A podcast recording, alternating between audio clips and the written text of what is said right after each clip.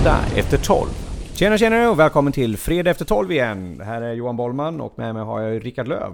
Och eh, ja, idag ska vi prata lite nya spännande idéer. Rickard, vad har vi på agendan? Ja, idag ska vi prata om framtidens handel.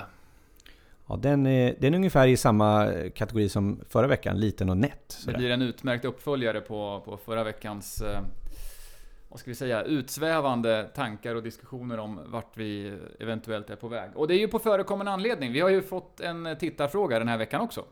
Ja, det är fantastiskt. Det börjar bli nästan tradition här nu varje vecka. Vi kommer inte behöva hitta på några egna ämnen snart. Nej, det blir lite grann. Vi blir styrda av folket. Precis. Ja, vi har fått en tittarfråga som handlar just om handel, butiksdöden. Eh, hur kommer det se ut med våra shoppingvanor och annat och även de som jobbar med handeln. Liksom, allt från grossister och så vidare. Så jag tycker det är ett eh, jättespännande ämne så det är väl bara att dyka in lite grann i det. Vi dyker. Ja. Eh, det känns lite svårt det här. Ja, det är lite grann var man ska börja. Alltså alla, jag tror att alla är ju delaktiga i den här delen. Eh, jag funderar på det här så gott som varje dag faktiskt. Jag vet inte om det är för att jag är kille eller bara jag. Eh, att kanske, nu kanske jag sa någonting fel här, eftersom jag sa att, att jag är kille. Nu kanske jag segmenterade lite fel här. Men, eh, men jag gillar att handla saker när jag ska ha dem. Jag gillar att gå in i butik och sen så tittar jag vad jag behöver. Jag behöver en t-shirt eller en skjorta och sen så provar jag och sen köper jag och så går jag ut. Ja, man har bestämt sig lite innan vad man är ute efter. Ja, precis. Och jag är inte så mycket gå in och småkika och kolla lite kläder som jag kanske någon gång i framtiden skulle ha. Utan jag köper något när jag behöver något. Eh, men jag vet ju att det är lite annorlunda. Jag kan titta på min familj till exempel. Mm. Gå lite personligt. Eh, min fru tycker om att shoppa. Eh, och så även mina barn som har nått tonårsålder.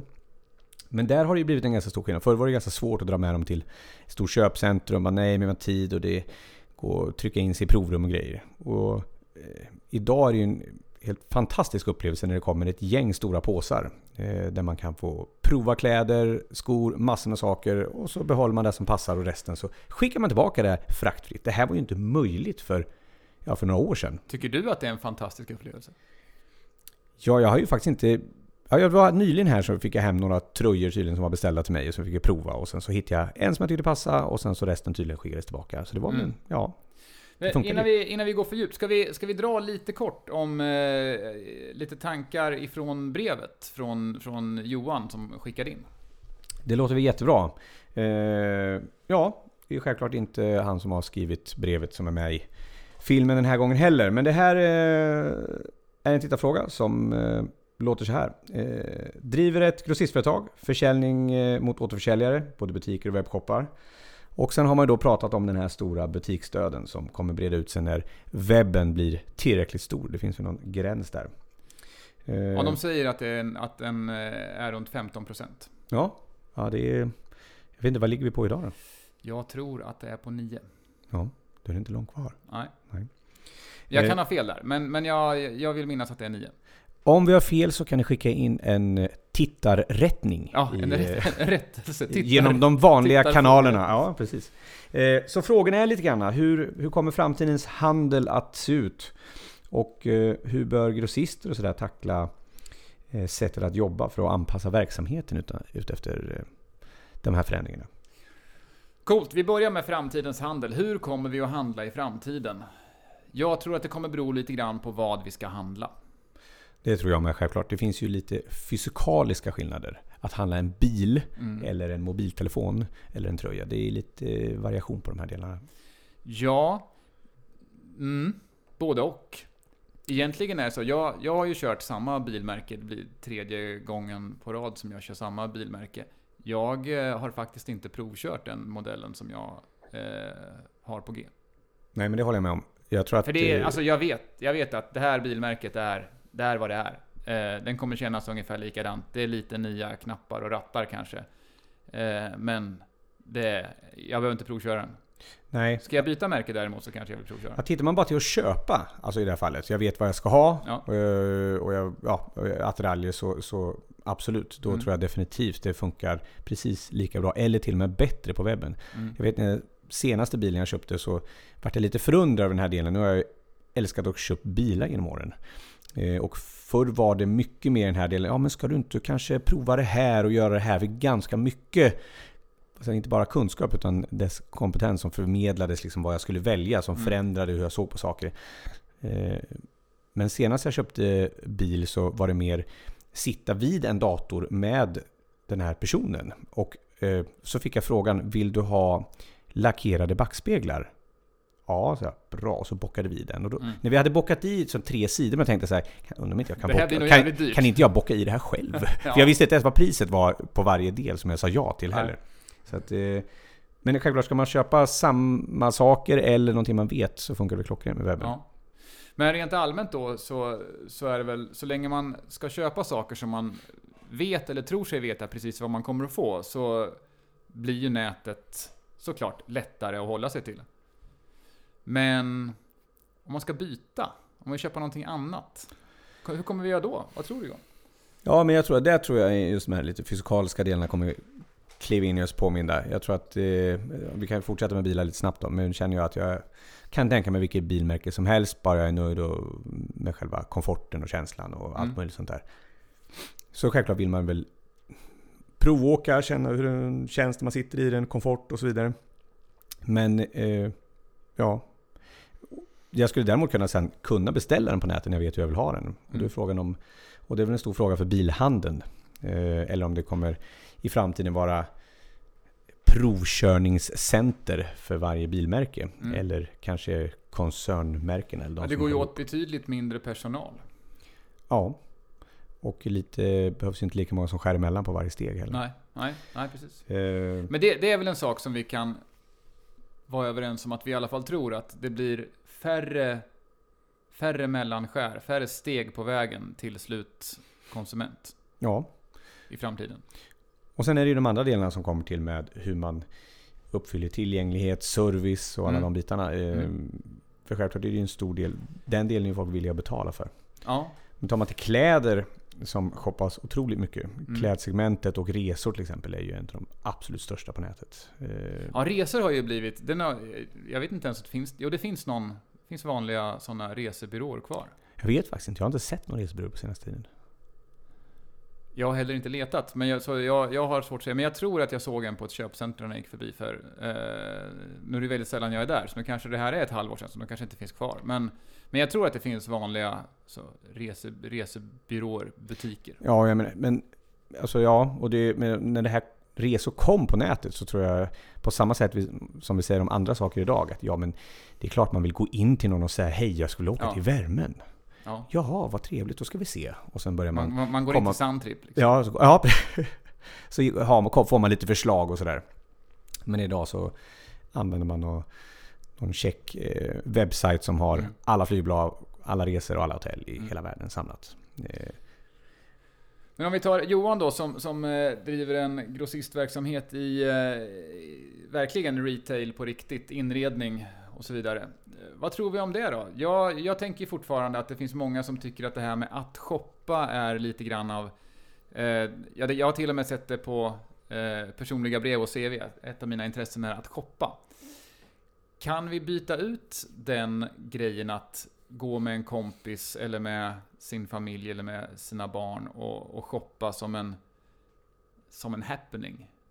Kan man liksom kö- köra samma grej framför datorn? Ja, eller, ja, det är jag övertygad om. Eh, Sen kanske det, man, när man jämför bara med att sitta framför en dator, men det kan ju prata om virtual reality och gå och shoppa. Mm. Eh, Men nu pratar man om museibesök som eh, växer mer. Man kan gå och se saker live, se pyramiderna live Mm. i virtual reality. Mm. Och, ja, det låter kanske lite konstigt för den som har besökt pyramiden och tycker att gud vad dåligt, vadå ska jag sitta med den där på ögonen? Ja. Men, men, men ja, det är...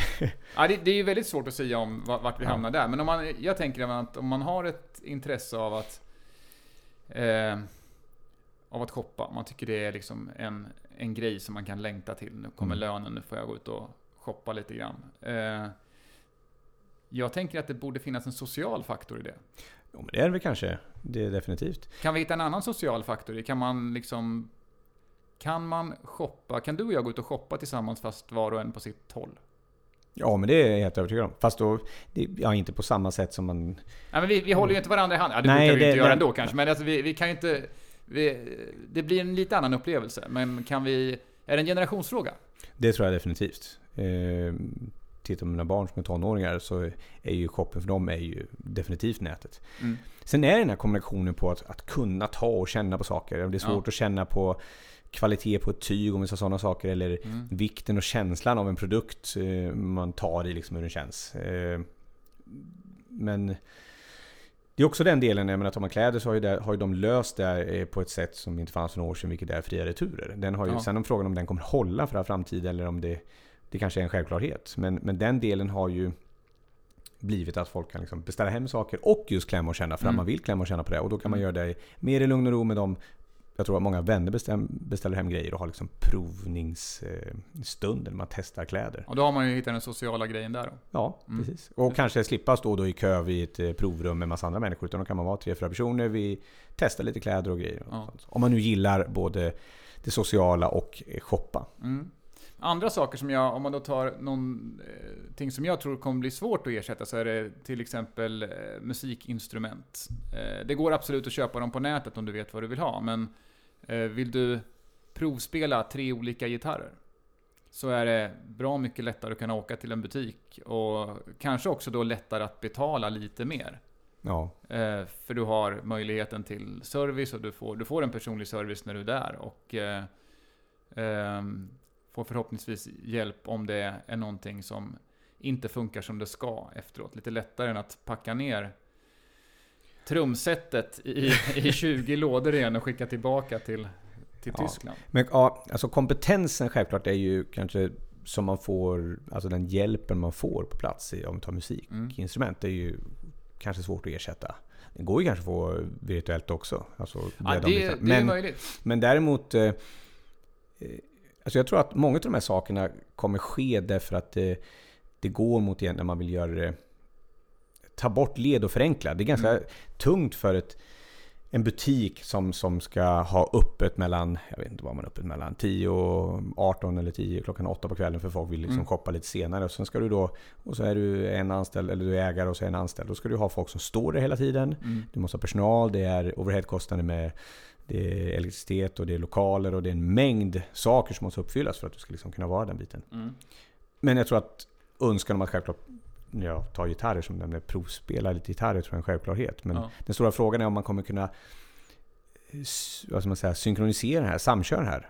Precis som, som bilar, att kunna ha större center där, där det finns väldigt mycket produkter. Ja. Eh, jag ta, vara, jag, jag, jag är ju lite inne på att den grejen kommer bli verklighet. Att det, liksom där, det kanske inte blir så att nödvändigtvis varje butik eh, finns på ett köpcenter med egen personal och så vidare. Men det kanske blir, dels kan det bli större kluster av eh, företag, men, eller också att man går åt det hållet att man helt enkelt har, i den här delen har vi inredning, i den här delen har vi kläder, här Mm. har vi vad det nu kan vara. Så Marieberg skulle kunna bli ett, eh, utanför Örebro här, skulle kunna bli ett gigantiskt stort showroom Ja, egentligen. absolut. Det och att de har otroligt mycket grejer som man kan prova, men du får inte ta med dig någonting därifrån. Utan du, du klickar hem det på samma sätt, men du kan klämma och känna på det på riktigt. Det, det Mm. känns kanske, jag vet inte, det kanske blir som ett mellansteg, men jag gillar fortfarande att, att testa saker. Alltså, när jag är, jag är väl ganska instant, så att när jag vill ha någonting så vill jag ha det nu. Jag vill inte vänta till imorgon. Mm. Eh, Så jag gillar ju att kunna åka ut och, och shoppa i en butik. Och sen ibland så tror jag också det här med...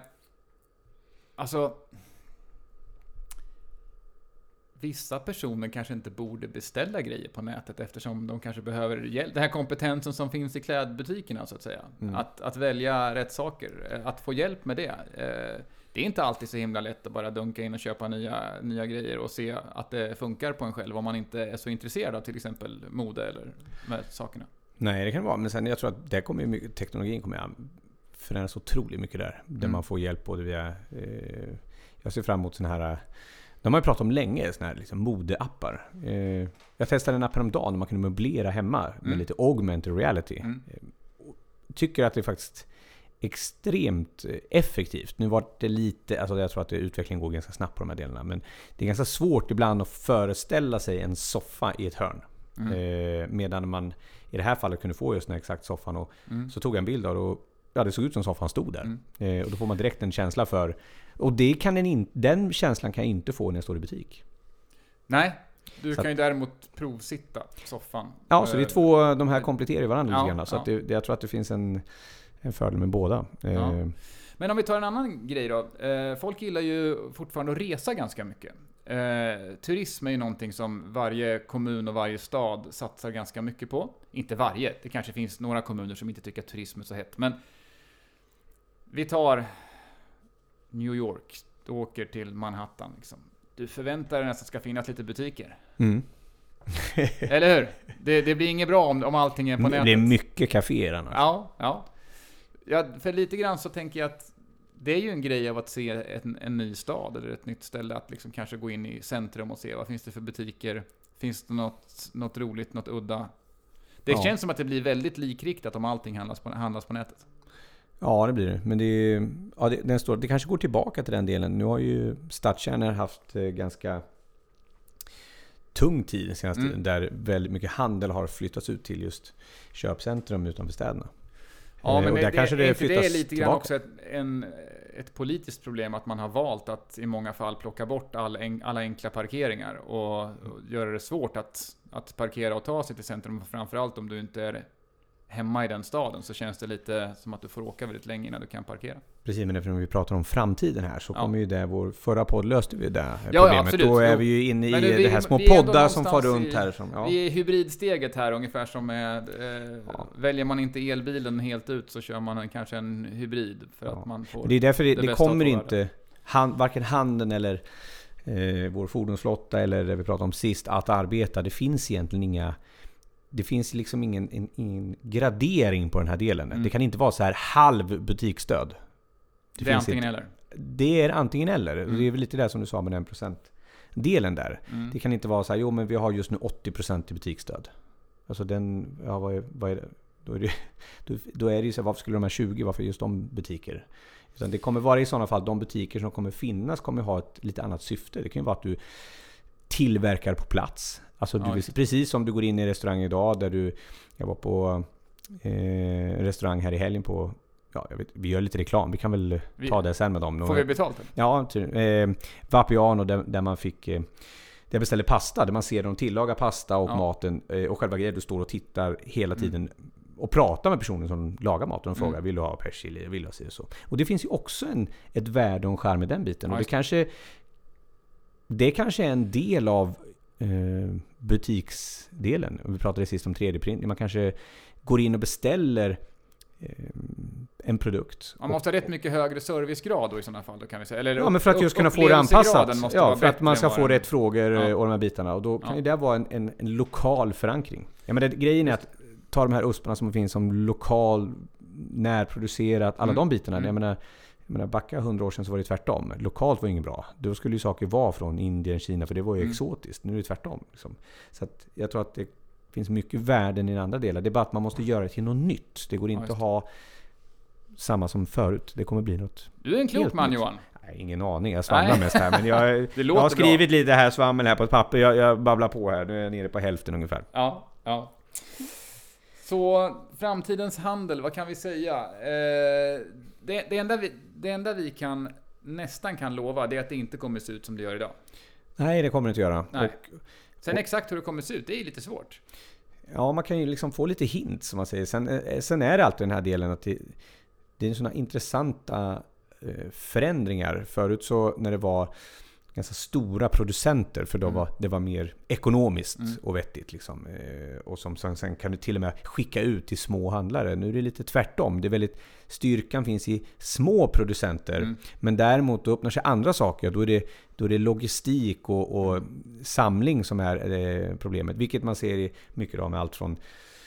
Ja, nu börjar ju den, den, vad ska man säga, den billiga sidan, eller lägre pris. Mm. Som man tar allt från Wish till AliExpress till Amazon som inte bara är de billiga produkterna men Mm. som samlar egentligen alla han, handlare för att på ett enklare sätt skapa Mm. logistik och... Men då, och då, för att eh, prata lite grann om, om Johans frågor då här, vad man måste göra, så kommer vi in på nästa grej då, för att nätet eh, kräver ju kanske att du vet, eller du har en målgrupp som vet vad man vill ha, oftast. Mm.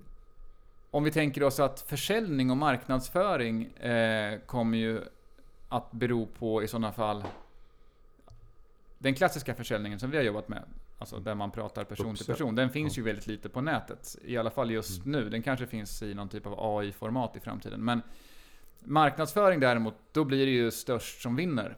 Eh, I stort sett, på marknadsföringsmässigt. Den som har mest pengar kommer att ha råd att synas mest. Sen är det inte säkert att den kommer få flest kunder för det. Men, men de har lättast att bygga någon typ av varumärke. Eller? Ja, ja, men det är klart. Alltså, har man mycket pengar så finns det alltid möjligheter. Allt Ja. från att eh, köpa in sig mellan influencers Mm. eller, eller köpa sig platser eller eh, oavsett eller skapa produktion i... i Men det alltså går ju rakt emot det här som vi video. snackade om förra gången egentligen också. För vi, vi var väl inne på att Ja, men vi det- köper alltså- inte det, det folk säger åt oss Nej, alltså när andra pratar man reklam, alltså den, den masskommunikativa reklamen, Mm. den kommer inte... Eh, det spelar ingen roll, du, du tjänar inte på att ha massa pengar på den. Nej. Jag smetar upp på varenda buss som finns. Mm. Eh, däremot har det ju skapat, det finns ju en möjlighet för de minsta att skapa innehåll. Om värdet är innehåll, eh, alltså ditt, det värde du skapar, om det Mm. är lokalt, närproducerat, din historia, din story, din background, din, Mm. din tanke och vision och i, idé med produkt eller tjänsten. Mm. Den är ju din. Mm. Eh, och den kan få lika mycket spridning som, ja det spelar ingen roll hur mycket pengar du lägger in, utan för det är nästa person som sprider den vidare. Precis, så det gäller med lite, lite känsla helt enkelt. Det, det ska kännas bra det man köper också. Ja, och det är därför jag tror att också en styrka för, för mindre sådana som producerar produkter. Det är just också den delen att skapa en story. Jag pratade med en eh, musikproducent. Det, borde ju, det ligger ju i din, i din bransch där. Eh, lite musikdelen. Eh, och det intressanta är att jag menar, förr så byggde man naturligt en story runt artist, Mm. låt och musik.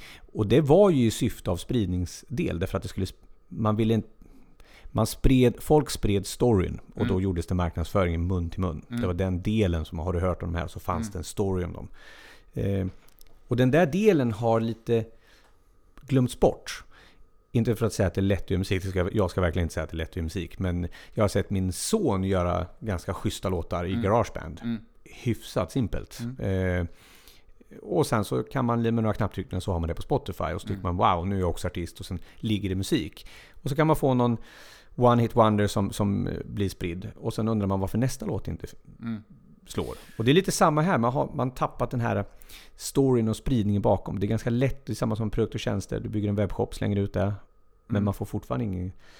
Nej, men man kan säga så här, för, förr så var, om vi går tillbaka till liksom Elvis Presleys tid, så var det väl, det var ett ganska litet filter för att slå igenom som, som artist. Mm. Eh, Du var tvungen att bli signad på något av de stora skivbolagen, eller på ett skivbolag, för att överhuvudtaget kunna nå ut med din musik. Mm. Eh, idag är ju det filtret helt borta, men samtidigt så blir det väl ungefär som... Det blir också svårt att skapa tryck. För i ett litet rör så kan du snabbt bygga upp ganska mycket tryck, men om Mm. röret är väldigt brett så att väldigt många kan vara där så rinner det ganska sakta. Jag hörde någon siffra att eh, Spotify lägger till ungefär 20 000 låtar per dygn. Mm. Ungefär. Och det är klart att i... De flesta av dem kommer inte spelas på, på A-rotation Nej. Nej, och då, och då är det klart att tror man då att man har sin lilla låt med där och så ska Mm. få den. Utan jag tror att den stora värdet idag är istället att Alltså marknadsföringen är inte att marknadsföra låten utan eh, tanken och idén och värdet bakom. Ja, och det, som du sa storyn. Jag kommer aldrig glömma när Guns N' Roses slog igenom med Paradise City där i slutet på 80-talet. Där den storyn som gick om dem, att de liksom var i stort sett hemlösa och hade haft eh, drog... Alltså mycket av det var ju, de, de hade väl inte så mycket till hem och de hade väl eh, kraftiga drogproblem, några av dem. Eh, men just den där storyn, att de gick från, från att sova på gatan till att eh, slå igenom som över en natt. Och sen när man läser på lite mer så fattar man att det var liksom inte riktigt över en natt. Det var ganska många års hårt slit och, och eh, fattigt leverne såklart. Men, men storyn Mm. blev ju bärande till musiken.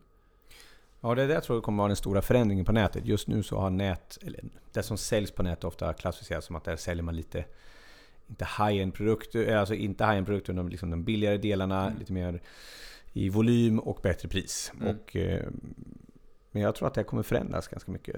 Det är det som är den stora delen. Mm. Det funkar precis lika bra att sälja de andra delarna, men det, det Mm. krävs också men kommunikationen kommer vara lite annorlunda. Mm. Det, Men vad krävs då om man, om man så att säga inte har nätbutik eller om man har eh, nätet som ett komplement till sin verksamhet? Om man antingen är butiksägare eller som i frågeställarens fall grossist. Mm. Vilka saker kommer att krävas i framtiden tror vi då för överlevnad? Eller framgång, succé. Ja, som grossist. Jag är inte riktigt eh, superinsatt i grossistleden. Men det, alltså man måste ju, även grossist, det är ju att titta på vilka värden man har. Vad är det för värden man har tillför idag? Alltså på hela ledet. Både från, man tillför ett värde till de som producerar. Mm. Och så tar man in det som grossist. Och så tillför man värde till de butiker. Och sen slutändan levereras till kund. Och någonstans. Och om, så om man har levt på de värdena, de, de, där man har tillfört liksom marknaden. Och sen förändras marknaden och flyttas på något annat sätt. Så måste man ju se att antingen får man ju vrida det till att skapa nya värden. Alltså uppfylla, fyll, uppfylla saker. Om det är service eller tillgänglighet eller eh, logistik eller Vi har ju varit inne på några ord. Alltså det, kompetens är en sak som vi har varit Mm. inne på här. Så det känns som att kunskap och kompetens... Eh, du kan tillgodogöra dig mycket kunskap på nätet, men vill du verkligen... Vill du handla en kanske tekniskt svår pryl och vill prata med någon och kanske ha hjälp i framtiden så kan det löna sig att handla lokalt där du kan vara inne flera gånger. Kanske köpa små reservdelar, få hjälp att... Eh, med just de tekniska delarna. Så kunskap, kompetens tror jag är en av de sakerna som kommer att avgöra. Sen var vi inne på logistik. Alltså, i alla fall som, som grossist är det väl att vara en del av logistiken. Att redan ha ett, ett logistiskt flöde som är genomtänkt. Då kanske man mellan tillverkare och slutkonsument kan vara en, eh, en stark spelare. Mm. Eh, marknadsföring och försäljning, självklart. Om det nu är så att vi vid sidan om nätet, där man ändå mest av allt kommunicerar med en målgrupp som är köpberedd. Så om vi ska kommunicera med dem som har ett behov men inte har tänkt klart så är ju kompetensen inom just marknadsföring och försäljning viktig. Ja, och sen alltså, i grund och botten är det ju så här att det är... Alltså all, all försäljning eller all... Man pratar om handel. Alltså man köper saker baserat på relation. Relation till... Ja, det blir både produkt och, och till, till eh, varumärket i sig och till den service och kompetens man Mm. får. Eh, jag menar, det är självklart är det så att eh, det är ju mycket lättare att bygga en starkare relation Mm. fysiskt Mm. när man träffar någon. Mm. Eh, för då har man liksom alla parametrar där. Mm. Eh, än att bygga en relation webbaserat. Vilket också funkar, men det krävs också. Men det kanske inte går bara att sätta ut en flashannons. Du kanske måste förmedla det via personliga video. Eller ja, Mm. du, du måste på något sätt ta... För det är fortfarande så att vi, vi människor skapar relation mellan varandra. Mm. Eh, affärer görs mellan individer. Mm. Eh, och sen så fyller individerna varumärken. Men det blir, det blir lite sådär... Det blir lite fränt för att vi pratade din soffa förut. Du kunde inte få känslan av att sitta i soffan. Eh, om du inte sitter i den. Och samtidigt kan du inte riktigt se hur den ser ut om du inte har med ditt hem. Eh, så känsla blir ju mångfacetterat Mm. där. För, och vissa produkter, och, som vi var inne på bilar, vi var inne på gitarrer. Du vill sitta i bilen, känna känslan, känna nybilsdoften. Mm. Eh, du vill provspela gitarren för att känna, känns den här rätt för mig? Mm. Så det, känsla är ju en del som kommer in i, i försäljningen och som blir både, den blir bättre i verkligheten i vissa fall och eh, den behöver hjälp av tekniken i andra fall. Ja, jag instämmer. jag instämmer. Men sen är det... Jag tycker det är en annan sak som är så intressant. Att vi glömmer, det var det vi pratade om sist. Liksom, att vi, vi försöker ta nutiden och sen så försöker vi förändra den. Titta, ja, men om den förändras lite grann, då blir det Mm. liksom si och så. Eh, Men det blir inte liksom en förbättrad version av nuet.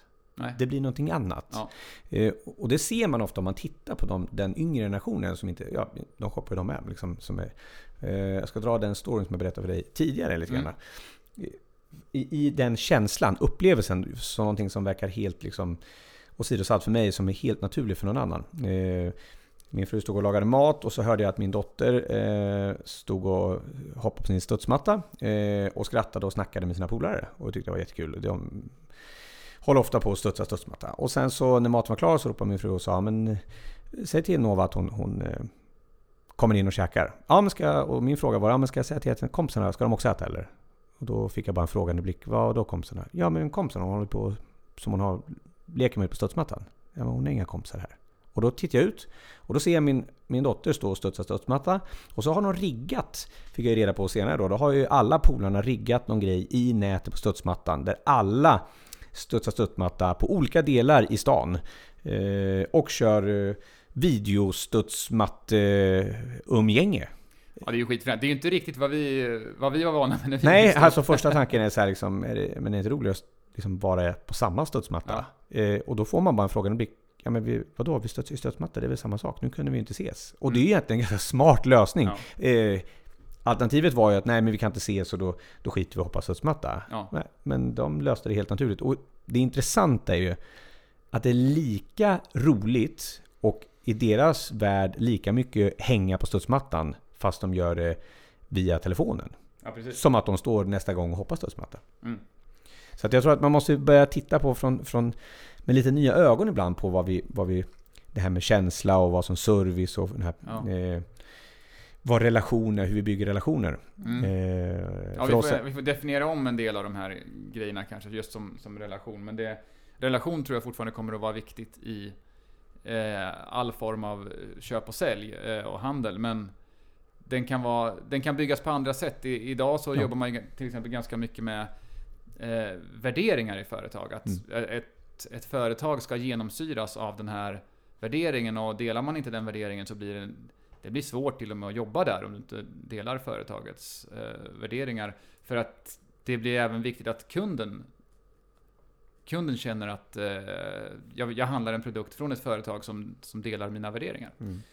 Eh, ja, det där blir, det, det blir komplext. Men eh, Det skapar Ska ju vi- mer möjligheter. Jag tror att det är en, en, en viktig känsla man vill förmedla, eller jag ofta försöker förmedla när jag pratar om de här delarna. Det är att ofta ses det som det är butiksstöden och det är liksom hur ska det bli med arbete och hur ska det, här. Och det är återigen, man kan se det här på ett antingen dystopiskt sätt, går, allting kommer gå åt helvete. mm, Eller så lite utopiskt, att det, att det faktiskt blir en fördel. Vi kan Mm. både det behöver inte vara det ena eller det andra. Det behöver inte vara så att ja, men då kommer vi aldrig träffa människor. Det kan, vi kan både ha butiker där vi träffar människor och också möjligheten att ha tillgång till produkter och tjänster i ett ofantligt utbud. ja. Eh, och det finns kombinationer däremellan. Liksom. Mm.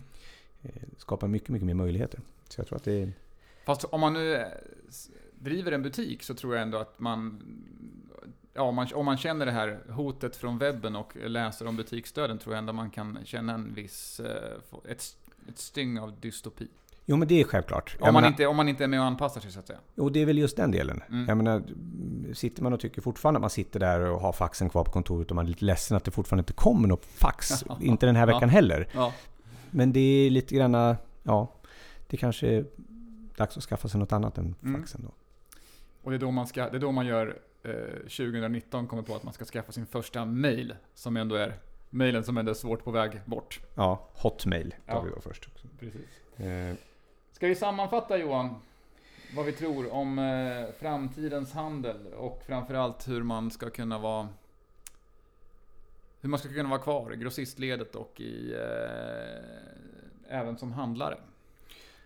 Ja, jag tror att eh, använd, oavsett, är man en handlare så eh, ja, mitt tips är att, att tro att, att det där kommer aldrig funka utan det vi gör nu är det som kommer vara för alltid. Det tror jag är, kommer kosta. Mm. Eh, Och då, däremot- då är det en fördel att vara en liten organisation för då är man lite mer agil och har lättare för att ställa om. Så att vi kan säga att det är inte nödvändigtvis så att det är lättare att vara en stor drake idag än att vara en liten, liten, eh, lite mindre företag. Jag skulle säga precis eh, så. Alltså det är tvärtom. Det är väldigt Ja. jobbigt för de stora. Ja. Eh, Det mycket det overhead att finns, det finns ganska många stora, stora butiksorganisationer som just nu går på knäna. Just för Mm. att de har svårt att ställa om. Medan Ja. de små eh, har mycket, mycket enklare att, att vrida Mm. runt. Eh, så att, eh, Men man måste försöka vara lite med i tiden, helt enkelt. Ja, och som vi pratade om sist. Man behöver inte liksom gå hela vägen.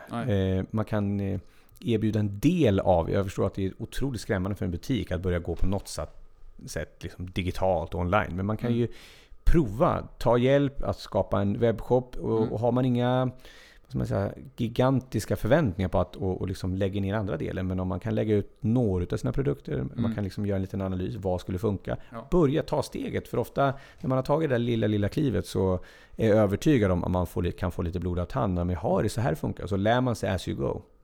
Och övergången däremellan sen eh, tror jag kommer bli ganska naturlig. Man märker vad som funkar och inte funkar. Ja, tekniken erbjuder ju såklart, eh, eftersom den är tillgänglig för, för många och blir billigare och billigare hela tiden, så, så behöver, man, behöver man inte göra en jättesatsning så behöver det inte kosta så jättemycket att testa. Nej, jag pratade med en, faktiskt en butiksägare häromdagen som eh, precis hade startat en webbshop. Och, menar, och så garvade vi lite grann om det här man klagar på framtiden.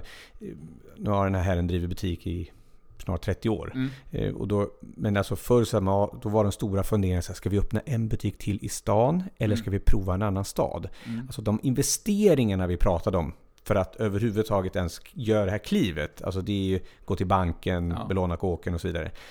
Eh, Det vi satt och pratade om nu det är att eh, ja, men undrar om vi inte ska prova 5-10 produkter av de här som vi tror Mm. finns ett behov av gjort liten. Och då pratar vi om att bygga en webbshop. Alltså du, du pratar ju om mm, 10, alltså 10-20 tusen för att liksom få hjälp att fixa en webbshop. Ja, sen självklart kommer, det- kan det komma andra kostnader för att man vill ha marknadsföring och sånt. Men Ja. jämförelsevis är det ju en minimal kostnad för att faktiskt hitta potentiellt en helt ny marknad. Ja.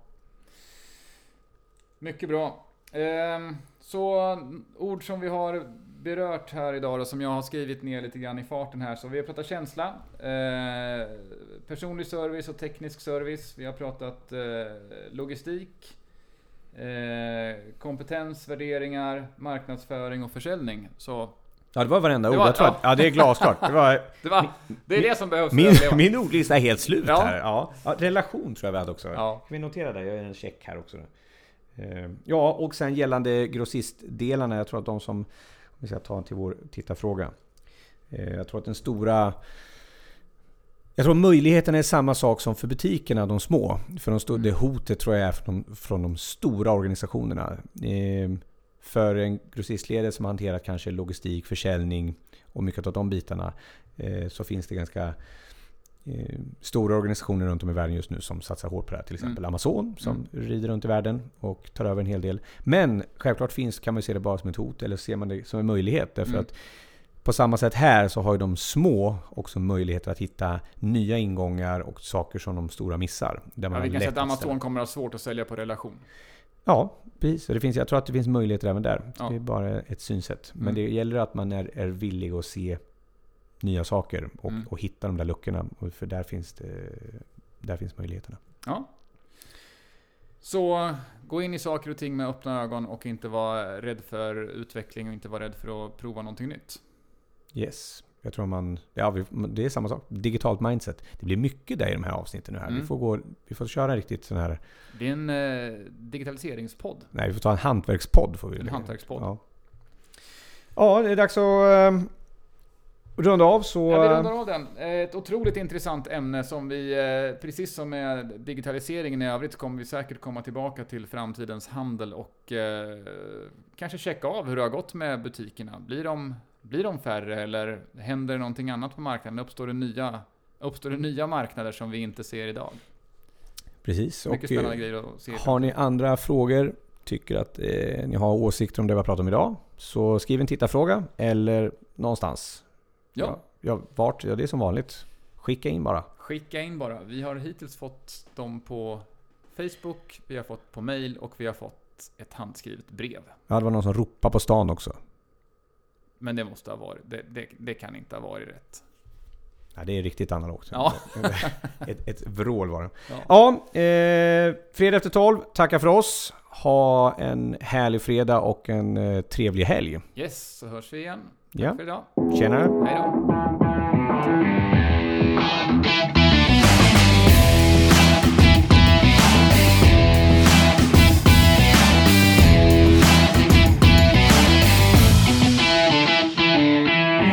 Fredag efter 12.